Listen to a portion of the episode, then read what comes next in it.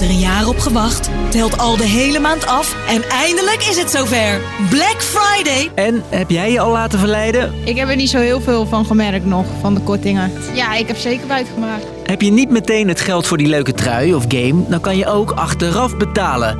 Kan wel voor grote geldproblemen zorgen. Ja, het werkt heel soepel. Je hebt meteen profijt van je aankoop. Terwijl de confrontatie met je banksaldo volgt pas veel later. Vooral jongeren hebben hierdoor vaker geldproblemen. Hoe dat zit, leg ik, Jasper, je uit. Lang verhaal kort. Een podcast van NOS op 3 en 3FM.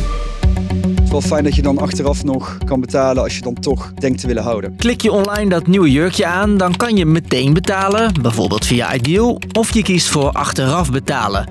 Kan bijvoorbeeld met Sriverty of Tinka, maar de populairste optie... Betaal veilig, achteraf en smooth met Klarna. Je gaat dan een lening aan. Zonder dat je hebt betaald, wordt het pakketje al wel verstuurd. Wereldwijd gebruiken zo'n 2 miljoen mensen per dag Klarna.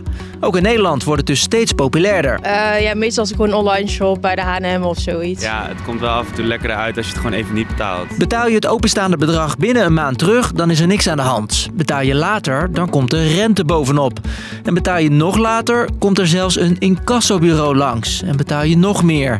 Daar zit volgens deskundigen van de Autoriteit Financiële Markten het gevaar. Ja, want we zien nu dat 1 op de 5 klanten ongeveer te maken krijgen met boetes voor te laat betalen. En we denken dat het verdienmodel van deze bedrijven een verkeerde prikkel in zich heeft. Want de bedrijven verdienen aan deals met winkels, maar ook aan laatbetalers. Gemiddeld 15 euro per keer.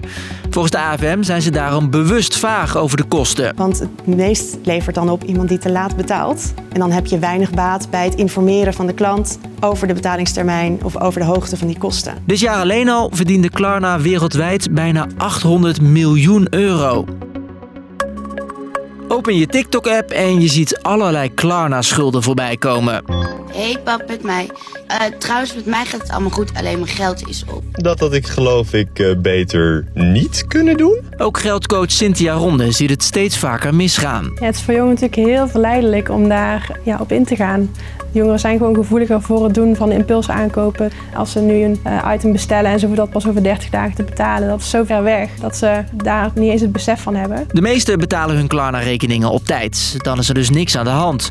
Maar bij jongeren tussen de 18 en 25 zegt ongeveer een vijfde dat ze wel eens een betalingtermijn vergeten. Ja, al een aantal schulden aangehad. Uh, afgelopen maand wel, ja. Ik vind het meestal wel handig als ik mijn studiefinanciering nog niet binnenkrijg kan ik al wel iets kopen. Een kwart van de jongeren die bij Cynthia aanklopt, heeft geldproblemen door diensten als Klarna. Ze zien dat vaak als een tijdelijk overbruggingsmiddel van het ene naar het andere salaris. Op het moment dat ze dan weer salaris hebben gekregen, lossen ze weer dat stuk af bij een betaalapp. Maar dan komt de volgende maand weer aan waarin ze weer zichzelf opnieuw in de problemen werken. Als je continu meer uitgeeft dan je eigenlijk hebt... Bij Beter Bed kun je nu met Klarna in één keer beter slapen en in drie delen betalen. Dan is het nog maar de vraag hoeveel beter je slaapt.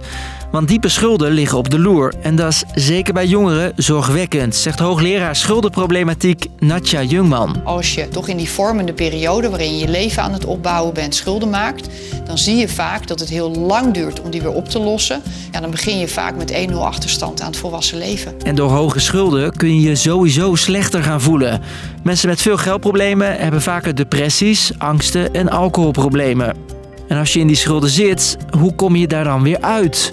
De gemeente kan gratis te hulp schieten. Alleen. Het lukt ons niet om bij iedere jongere langs te gaan, want we krijgen gewoon te veel meldingen momenteel. Veel gemeenten kunnen de vraag niet aan.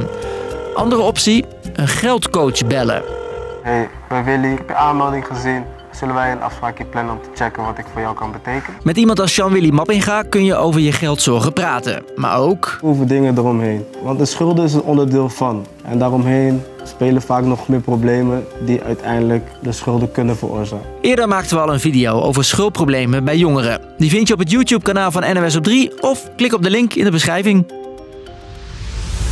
Dus, lang verhaal kort. Met apps als Klarna kan je dingen bestellen die je pas later hoeft te betalen.